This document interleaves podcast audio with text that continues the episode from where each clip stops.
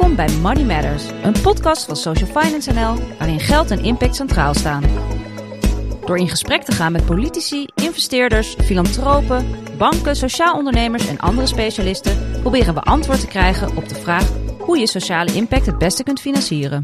Hi en leuk dat je luistert naar Money Matters, een podcast over geld en impact waar we op zoek zijn naar het antwoord op de vraag hoe je sociale impact het best kan financieren. Ik ben Ruben Koekoek van Social Finance NL en deze keer een bonusaflevering waar ik met een gast in gesprek ga over een actueel onderwerp.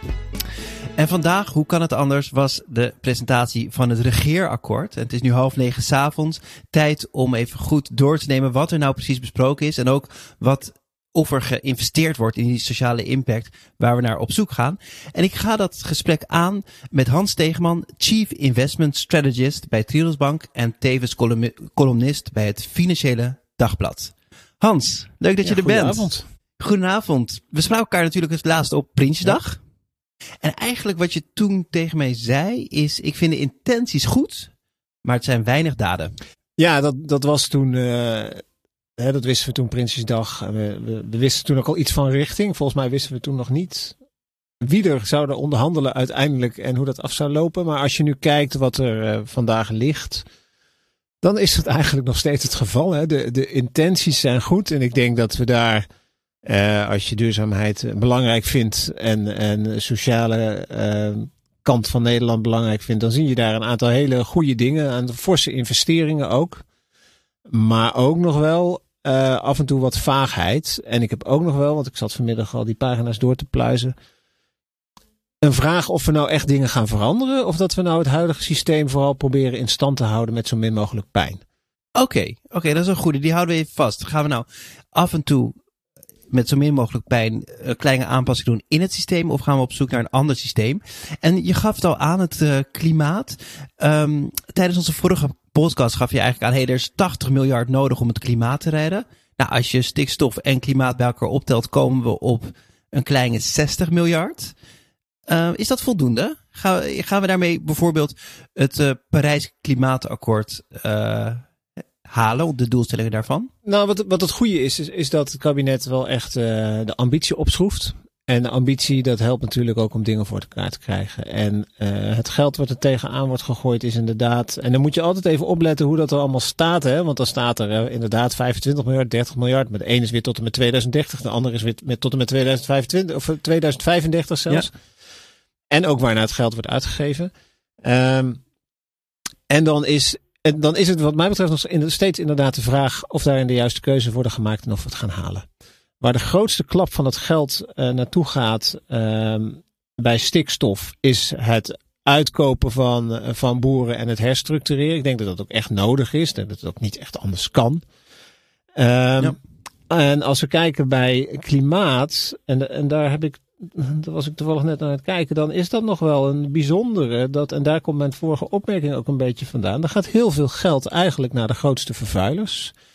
Uh, sowieso een, een miljard of drie is daarvoor ingeruimd. Maar er gaat ook heel veel naar energieinfrastructuur. Wat eigenlijk ook ten dienste is van een groot deel van diezelfde. Ook, ook wel voor meer. Hè. Het gaat over dat uh, ons netwerk geschikt is voor uh, hernieuwbare energie en dat soort dingen.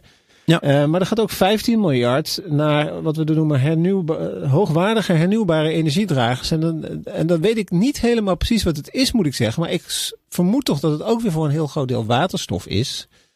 En dat is ook weer voor een groot deel ten dienste van diezelfde grote industrie. Dus ik zie er een heleboel geld staan, wat vooral bedoeld is om de huidige industrie uh, van dienst te zijn. Terwijl als ik aan het speuren ben van, nou, wat gebeurt er? Nou, er staan ook wel dingen in, hè. Wat gebeurt er uh, om de woningvoorraad te, um, hè, isolatie, uh, verduurzaming van de woningvoorraad. Maar dat zijn veel kleinere bedragen. En daar zit dus ook meteen wel mijn twijfel op jouw vraag van, gaan we het hiermee redden? Nou, ja. een uitdaging.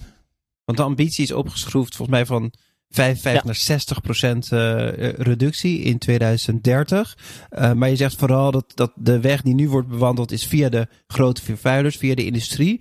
En de burger wordt eigenlijk in mindere mate geholpen om die transitie te maken voor uh, isolatie. Ja, dat, ook daar. En dat, maar dat is ook nog wel een beetje moeilijk, want er moet nog heel veel uitgewerkt worden. Ook daar staan wel bedragen en ook daar gebeurt meer dan eerst. Hè. Dus daar, laten we daar heel duidelijk over zijn. Er gebeurt meer dan dat we eerst hadden. Uh, maar of dit genoeg is en ook en, en dat is denk ik voor het hele regeerakkoord wel. Van, er staan zoveel plannen in die voor een deel nog moeten uitgewerkt. Ja, is dat allemaal wel realistisch? En gezien het al bijna een jaar duurt voordat we een kabinet hebben hoe lang blijft dit een kabinet dan bij elkaar? En gaan ze het dan redden om het ook uit te voeren? Dus de uitvoeringstoets, die, waar het ook al over ging, die is met, die, met name die grote plannen natuurlijk wel heel belangrijk. Wat ik wel lees, is niet alleen wordt de vervuilende industrie geholpen, maar ze krijgen ook te maken met bijvoorbeeld het Europese missiehandelssysteem. Daar komt een soort van verhoging op, zodat, zodat, zodat er een extra stimulans is om te verduurzamen. En natuurlijk de, de vliegtax komt eraan. De vliegtax komt eraan, uh, ook het rekeningrijden komt eraan. Um, en he, dus, dus wat, we, wat we dan noemen echte prijzen of het beprijzen van vervuiling worden weer stappen ingezet. Um, van mij hadden die nog wel wat verder mogen gaan, want het, het heeft pas zin als het echt bijt. En, en neem ook rekeningrijden. Uh, rekeningrijden werkt pas echt als je op het moment dat het het drukst is, de tarief omhoog gooit. Maar dat willen ze niet. He, dus je wil juist bereiken dat de, de congestie, de, dus de, de files, uh, verdwijnen doordat je mensen ander gedrag gaat aanleren en dat, dat verduurzaamt. Maar dat doen ze dan weer juist niet. Dus het lijkt meer een soort vervanging van de motorrijtuigenbelasting dan dat het echt sturend is op, op echte prijzen. En, en dat zie je met meer dingen terug. En zie je ook ergens in het regeerakkoord waar, waar wel reken, want we hebben natuurlijk vaak in onze podcast over echte prijzen, dat je de, de vervuiler laat betalen of dat je uh, ook dingen die niet in de prijs zitten, bijvoorbeeld de uh, spijkerbroek, hè, die, uh, waar mensen worden uitgebreid dat het in de prijs terechtkomt. Zie je dat op andere vlakken wel? Nou, dat raakt wel aan een van mijn grootste teleurstellingen en dat is uh, circulaire economie.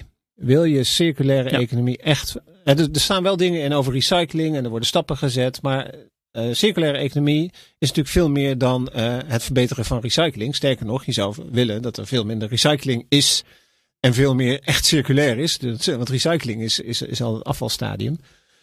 En daar, daar gebeurt dus, hè, dus, dus echte prijzen, recycling probeer je daar al wel in te brengen. Maar mijn teleurstelling zit erin dat je veel meer maatregelen en ook geld nodig hebt. Er staat 2 miljoen wordt daar genoemd uh, voor de circulaire economie. Dat zou veel ambitieuzer moeten zijn, want dan kan je echt, echt stappen maken met verduurzaming. En daar komt ook mijn eerste opmerking vandaan. Ben je nou het systeem aan het veranderen of ben je het, aan het, het huidige systeem aan het verduurzamen? En dan zie ik, als ik het allemaal bij elkaar optel, dan zie ik een heleboel dingen om eigenlijk gevestigde belangen in stand te houden. Het systeem een beetje aan te passen uh, verbouwen zou ik het nog nauwelijks noemen en dan helemaal niet een systeemverandering. Duidelijk. Dus op klimaat, uh, je ziet wel ambities, maar die echte systeemverandering, die, uh, daar, daarin stelt het, stelt het regeerakkoord teleur voor jou. Ja, en kijk, eh, dat is natuurlijk ook niet helemaal vreemd. Als je de, de, de samenstelling van de coalitie ziet, snap ik ook wel ja. dat je niet verder kan. En ik wil ook nog wel positief zeggen. Het, het, het is goed nieuws. Hè. Ik moet ook een beetje balans hierin hebben. Het, het is ja. natuurlijk ongekend veel wat er gedaan wordt in vergelijking met voorgaande kabinetten. Laten we dat niet vergeten. Maar ja, dat nieuws was al uitgelekt, hè? dus dat, uh, dat wisten we al. Ja, nee, oké, okay, oké, okay, maar het is toch goed um, uh, om zo'n gebalanceerd beeld te geven.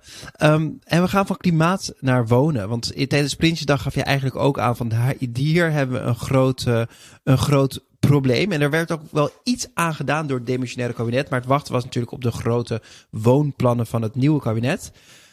Um, 100.000 woningen per jaar ja. hoorde ik. Ik hoorde iets over de verhuurdersheffing.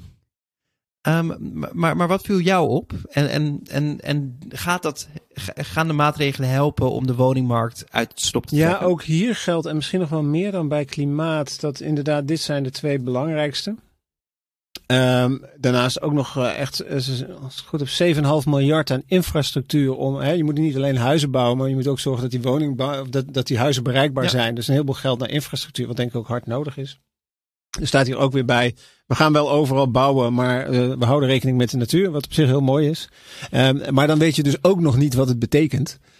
Um, en dat, dat, daar zitten een aantal dingen in dat je je afvraagt, hè, maar hoe werkt dat nou? Als je dan zegt van, het is geen sociale huur, het is middenhuur, maar we willen toch dat uh, beleggers daar minder in zitten. Wie gaan dat dan doen? Hè? Want de, de, daar worden ook wat belastingprikkels verlegd, zodat het minder aantrekkelijk is om, om beleggingsobjecten te hebben, om meer ruimte te maken voor anderen. En dan vraag ik me, ja, maar wie zijn dat dan?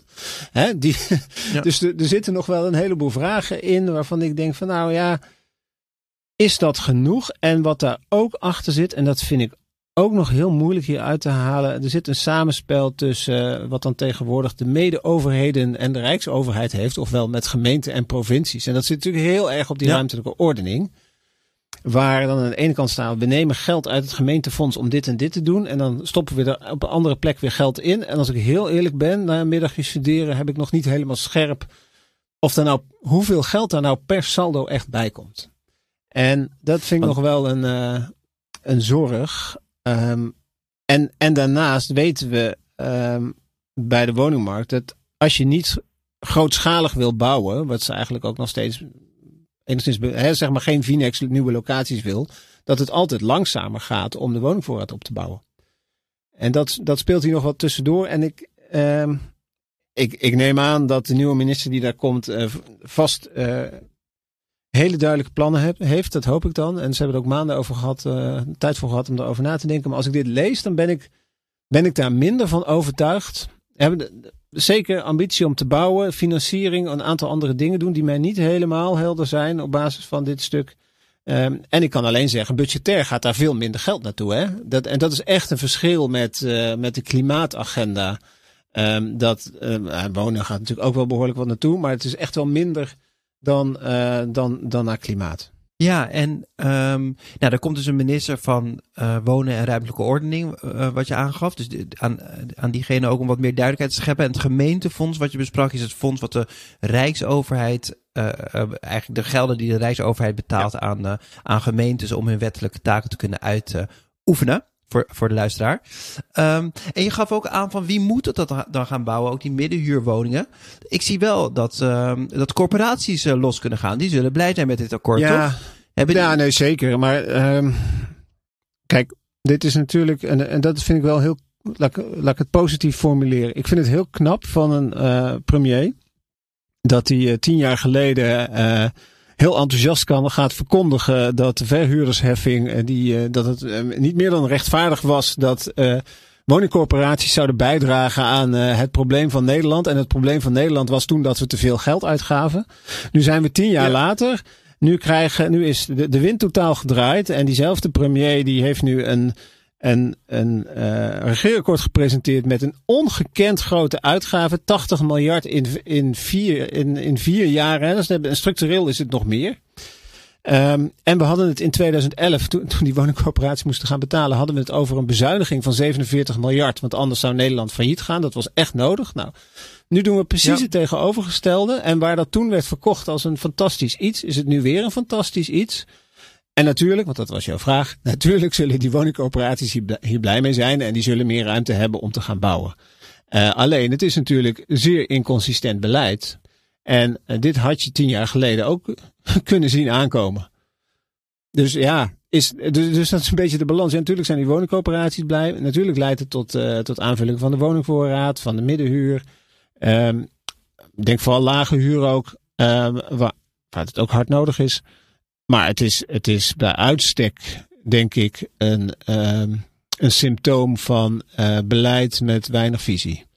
Nee, onze premier heeft ook nee, dat, visie, dat toch? vindt hij ook maar dat vervelend. Zijn, ja, zijn, dat, dat, snap ik. Dat vindt, dat ja, precies. Dat is ja. niet zijn ding.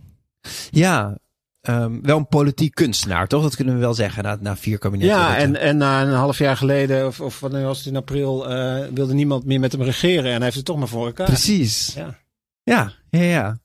Ja, dus, dus over dat, dat, dat uh, uh, wonen, eigenlijk zeg je wel van, hey, zeker in contrast met wat we allemaal doen voor klimaat, qua bestedingen, is, is het geld wat er naartoe gaat nog redelijk mager. Uh, maar je ziet wel een duidelijke verbetering. Ja. Bijvoorbeeld als je ziet hoe er nu met de ja. en, verhuurdersheffing wordt omgegaan. Ja, en, en ook om het in perspectief te, te plaatsen. En dat is ook wel een beetje, kijk, de, dit is natuurlijk een, um, een een, een baby die geboren is na een ontzettend lange bevalling, waar tijdens de bevalling ontzettend veel uh, scans zijn gemaakt over wat erin zou zitten. Dus een heleboel van wat we nu lezen weten we al lang en wisten we eigenlijk ook al bij Prinsjesdag. Honderdduizend woningen wisten we, die, ja. die verhuurdersheffing afschaffen. Dat, een heleboel dingen wisten we al. Uh, en dat maakt het ook wel, als je het leest, dan ben je vooral, tenminste in mijn geval, op zoek van wat is nou nieuw en, en, en wat zijn, zijn nou die invullingen? En dan, ja, dan krijg je toch af en toe een ander beeld. En toch nog weer de genuanceerde in. Natuurlijk is het wel, gebeurt er nu meer op de woningmarkt. De crux is daar de uitwerking. Ja. Nee, eh, nee, helder. Ja, ik zat een beetje na te denken over die, die bevalling para, paradox. Er was toen, toen Hoekstra dat, dat deed, kreeg hij op zijn kop. Hè? Wat, wat zeg jij er nou van? Ja. Ja, ik weet er ook niks van, dat klopt. Nee. nee. Nee, ik ook niet. Nee. Maar wat ik wel, als er een baby wordt geboren, ondanks dat je wel ongeveer weet wat er gaat komen, dan ben- kan je toch wel heel verrast en gelukkig. Ja, maar kijk, je, je, weet dus wel dat het een jongetje of een meisje wordt. En, en, en, en- Soms. ja, nou ja, als je, goed- als je scan maakt, dan weet je het wel. eh. En, en, en Ja. nou, dat wisten we dus nu ook, dat, wat het werd. En we wisten ook zelfs of het, eh, of het gezond was, zeg maar. Om toch maar, maar ja, het was toch ook een tankbevalling, eh, werd van de week gezegd. Ja, nee, dat Ja, zei Hoekstra, ja. ja. We gaan naar het volgende onderwerp. ehm, en dat is, ehm, denk jij dat dit regeerakkoord de sociale ongelijkheid in Nederland verkleint? Ja, dat vind ik een hele goede vraag. Ehm, omdat daar, daar zitten meerdere kanten aan. Hè? On- sociale ongelijkheid is natuurlijk niet alleen inkomensongelijkheid, maar is ook zeker ehm, ongelijkheid in kansen. En eh, dus ongelijkheid in en, en, en inclusiviteit. Dat begint wat mij betreft bij, eh, bij de kinderopvang en, ehm, en het onderwijs, waar daadwerkelijk Ja. veel wordt geïnvesteerd. Ik denk zelf dat eh, het bijna vrij eh, gratis maken van kinderopvang heel goed is voor de ontwikkeling van kinderen. Dat weten we ook uit, economisch onderzoek. Voor het eh, weghalen van, eh, of het inlopen van achterstanden, taalachterstanden of het tegengaan. Dus ik denk dat het naast dat het kan leiden tot meer arbeidsparticipatie en het vooral minder shit oplevert met kinderopvangtoeslagen, dat de belangrijkste verdienste daarvan juist is inclusiviteit. En dat begint daar. Het tweede is onderwijs. En, maar dat is ook een kwestie van achterstallig onder, onderhoud. Dat er geld gaat naar onderwijs, niet naar onderwijssalarissen, maar wel naar de kwaliteit van onderwijs.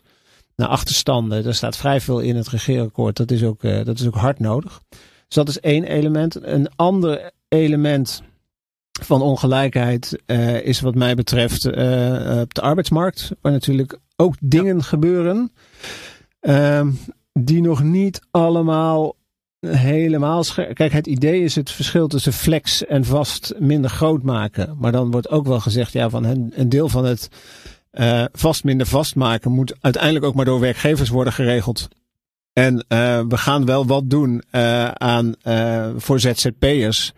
Uh, maar wat we dan precies gaan doen en wat het betekent, hè, een, een, een, een verplichte verzekering voor arbeidsongeschiktheid voor de zelfstandig, voor wie geldt dat dan precies? Uh, dat, dat is nog niet allemaal helder. Maar kijk, de uitdaging is wel om die ongelijkheid op de arbeidsmarkt minder groot te maken. En dat proberen ze, maar dat, dat is weer afwachten.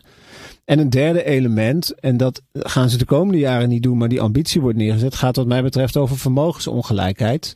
En dat zie je in de belastingplannen terug, dat ze van plan zijn om een, uh, uh, rende, of een uh, vermogensrendementsheffing niet op fictief, maar op werkelijk vermogen te heffen. En dat is voor ongelijkheid, voor vermogensongelijkheid, wel een belangrijke.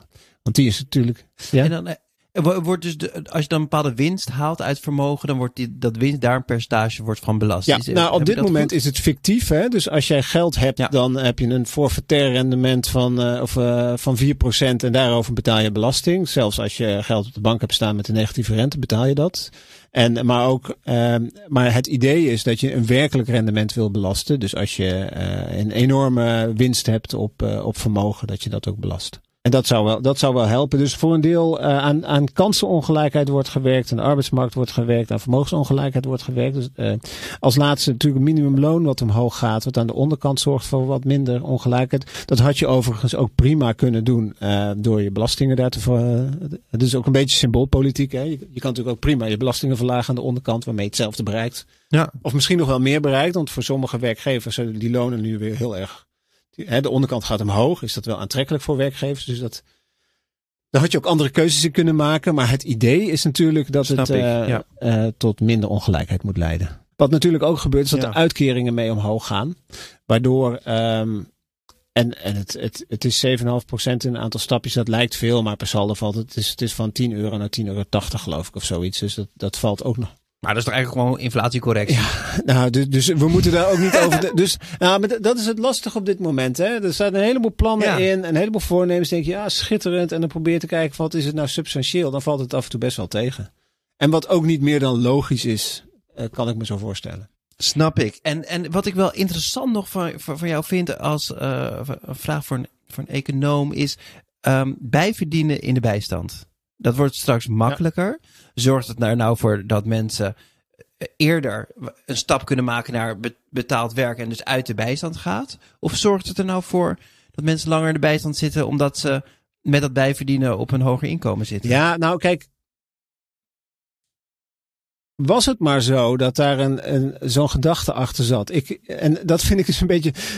dit soort dingen worden gedaan om geen toeslagenfraude-achtige dingen meer te krijgen. En, en, je zou willen dat er inderdaad een economische of een, of een sociale gedachte achter zat. Van goh, um, mensen laten bijverdienen in de bijstand helpt tot uh, mensen een groter sociaal netwerk geven, werkervaring op laten doen, waardoor ze eerder aan de baan komen. Zou een idee kunnen zijn. Je zou ook kunnen denken van nou wij vinden dat mensen een absoluut minimum verdienen. Een soort basisinkomenachtige gedachte. En daarbovenop mogen participeren in de samenleving. Maar dat is natuurlijk allemaal helemaal niet zo. Dit is gewoon een gedachte van ja, shit, dan krijgen we weer rechtszaken over uh, mensen die boodschappen betaald krijgen van hun ouders en zo. Dat, dat zit erachter. Um, en als econoom denk ik dat, dat het wel degelijk goed, en er zijn genoeg experimenten over, dat het wel degelijk goed kan werken om mensen te laten participeren. Dus bij verdienen in de bijstand uh, hoeft helemaal niet slecht te zijn en hoeft zeker niet tot fraude te leiden. Wat ik, en ik merk dat een beetje, zeg maar, dat, een dat ik een beetje blije ei ben en dan jij wat kritischer, dat dat een beetje de taakverdeling on, ongemerkt uh, wordt. Maar waar ik dus wel um, als econoom wat ik wel goed vond, is die, als, die um, dat groente en fruit naar nul gaat en er een suikertax komt. Ja, daar zijn economen ook wel over verdeeld. Uh, oh. Want die zeggen dan van ja, je hebt, uh, als je twee doelstellingen met één instrument hebt, dat kan nooit goed gaan. Dus je gaat ofwel belasting heffen omdat je geld op wil halen, of je hebt instrumenten om consumptie te ontmoedigen.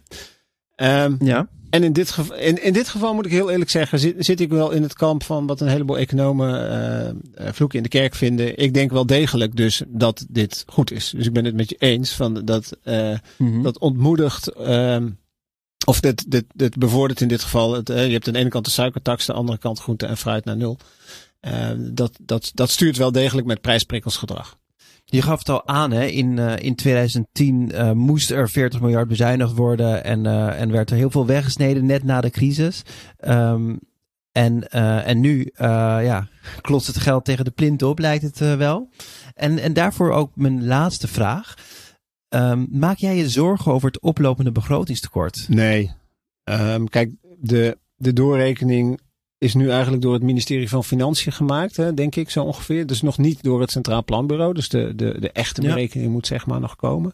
Ze komen nu uit op 61% uh, schuld uh, ten opzichte van het BBP in 2025. Ook structureel hebben ze gezegd, willen we niet hoger dan 60% uitkomen. Dat is ook de norm die we in Europa ooit hebben afgesproken. Die geldt overigens niet mee. Zijn meer. We zijn een van de weinige landen die nog zo laag zitten. Dus ik zou er geen enkele probleem mee hebben, moet ik heel eerlijk zeggen, als we nog meer geld uitgeven aan investeringen. Hè? Dus in, in duurzaamheid, maar ook in onderwijs, ook in andere dingen die goed zijn voor toekomstige generaties.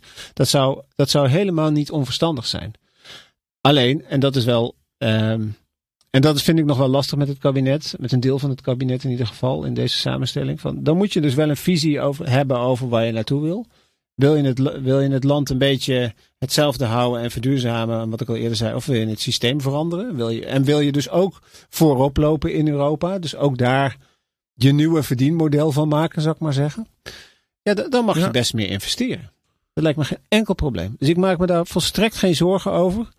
Um, want als Nederland in problemen komt, dan uh, heeft de rest van de, euro, van de eurozone eerder een probleem. En dat draaien ja. wij ook voorop. dus. Daar staat toch wel iets interessants over in het uh, regeerakkoord. Het Stabiliteits- en Groeipact. Dat willen ze moderniseren. Ja, dat, daar zijn we natuurlijk afhankelijk van, van alle Europese ja, landen. Ik, ik, denk dat zij gewoon, uh, misschien dat ze daarom deze week kwamen. Dan hadden ze in ieder geval het Duitse regeerakkoord vorige week al kunnen zien. Want er stond ongeveer hetzelfde in. Ja. En wij hebben natuurlijk helemaal in Europa niet zo heel veel te vertellen.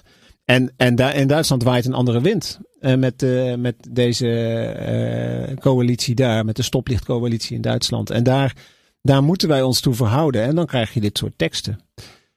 ja, zo, zo zie ik het. Ik, ik zie het niet als een principieel andere koers van, ehm, van Nederland. Ja, nou, het ligt eraan wie ook minister van Financiën wordt in Nederland. Van welke kleur die is. Dat, dat gaat denk ik wel veel bepalen in deze discussie. Um, en in Europa is het al een gepasseerd station. Uh, we gaan niet meer terug naar het, stabiliteits- en groeipact zoals die was. En volgend jaar wordt het spannend wat het dan wel gaat worden. Um, en dat zal, dat zal zeker ruimer zijn als het gaat over schuldpercentage. En uiteindelijk zullen we wel naar iets gaan van uh, een um, maximaal tekort van 3% in normale tijden. Met de clausule dat je wel mag investeren in innovatie en, en, en duurzaamheid. Vermoed ik. Dus als ik, als ik jou zo, zo hoor, dan, dan, dan hoor ik eigenlijk van het, het gaat misschien wel de goede kant op. Maar jij hebt nog niet echt het nieuwe elan ontdekt waarover werd gesproken. Nee, nee, kijk. Um, wat ik misschien een beetje gehoopt had, is dat ze zeiden van nou, dit is. Wat ze het plan hadden, hè, van we gaan een, dun regeerakkoord. Dit is lang niet een van de dunste regeerakkoorden die we ooit hebben gezien. Dit is toch een vrij, een vrij uitgebreide. Um, en dat ze dan gezegd hebben van dit is de ambitie dit willen we bereiken en we gaan het invullen. We, gaan het, we, hebben, we hebben ministers en die gaan dat invullen en zoeken meerderheden in de Kamer. Dat had ik Nieuw-Eland gevonden. En dat je het niet gaat. Dit is hmm. duidelijk weer een compromis. Je ziet in al die teksten terug. Die moet wat hebben, die moet wat hebben. Dan, dan verwatert het. En ja, ik, ik snap het allemaal wel hoor, dat het zo gaat in de politiek. Maar dat is, dat is zeker niet het nieuwe elan. En um, wat, wat was de slogan nou ook alweer? Um, um, Omzien naar elkaar, vooruitkijken naar de toekomst. Ja, maar dat alleen al, hè? Vooruitkijken naar de toekomst. Heb je. Waarom naar de toekomst? Waar anders wil je naartoe vooruitkijken? Dat, Ik vind het. Maar dat, dat is echt zo'n zo'n compromistekst van het. Ja, maar dat. Ja. Daar komt hoe zou dat gaan? Hoe, hoe, hoe, zou dan. Oké, jongens, we hebben een prachtig, uh, prachtig akkoord. We, moeten, we moeten nog een titel hebben. Ja, nou, we moeten iets met die toeslagenaffaire. En met dus, met, dus nou, omzien naar elkaar. Ja, dat klinkt wel goed. En dan vooruitkijken. En dan zegt er iemand, ja, vooruitkijken, waar naartoe? Ja, naar de toekomst natuurlijk. De, de, ik, en dat denk ik, ja, nou, laten we dat allemaal opschrijven. Ik, ik stel me ook voor dat dit het laatste puntje is wat ze, wat ze vanochtend hebben gedaan of zo. Ja, ja. ja, ja benieuwd. Ik vind vooruitkijken naar de toekomst, hoe haal je het in je hoofd? Waar, waar anders ga je naar vooruitkijken? Maar goed. Het, uh... Ja, nee, dat is, dat is een goede. Waar anders moet je naar vooruitkijken naar de toekomst? Dankjewel dat je ons in een klein half uur er uh, doorheen hebt gepraat. Een hele, hele uh, prestatie. Uh, en je zei dat je allerlei afspraken had en, en daartussen het regeerakkoord hebt gelezen. Maar dan kan je in ieder geval wel heel erg snel lezen. Want het geeft een heel mooi overzicht van wat er allemaal is besloten. En ook wat dat voor effect heeft op onze samenleving. Um, dus dank daarvoor. En ook de kijker, dank voor het luisteren. Volgende week hebben we weer een reguliere aflevering. Dan sluiten we het seizoen af met Annemieke Robeek. Tot dan!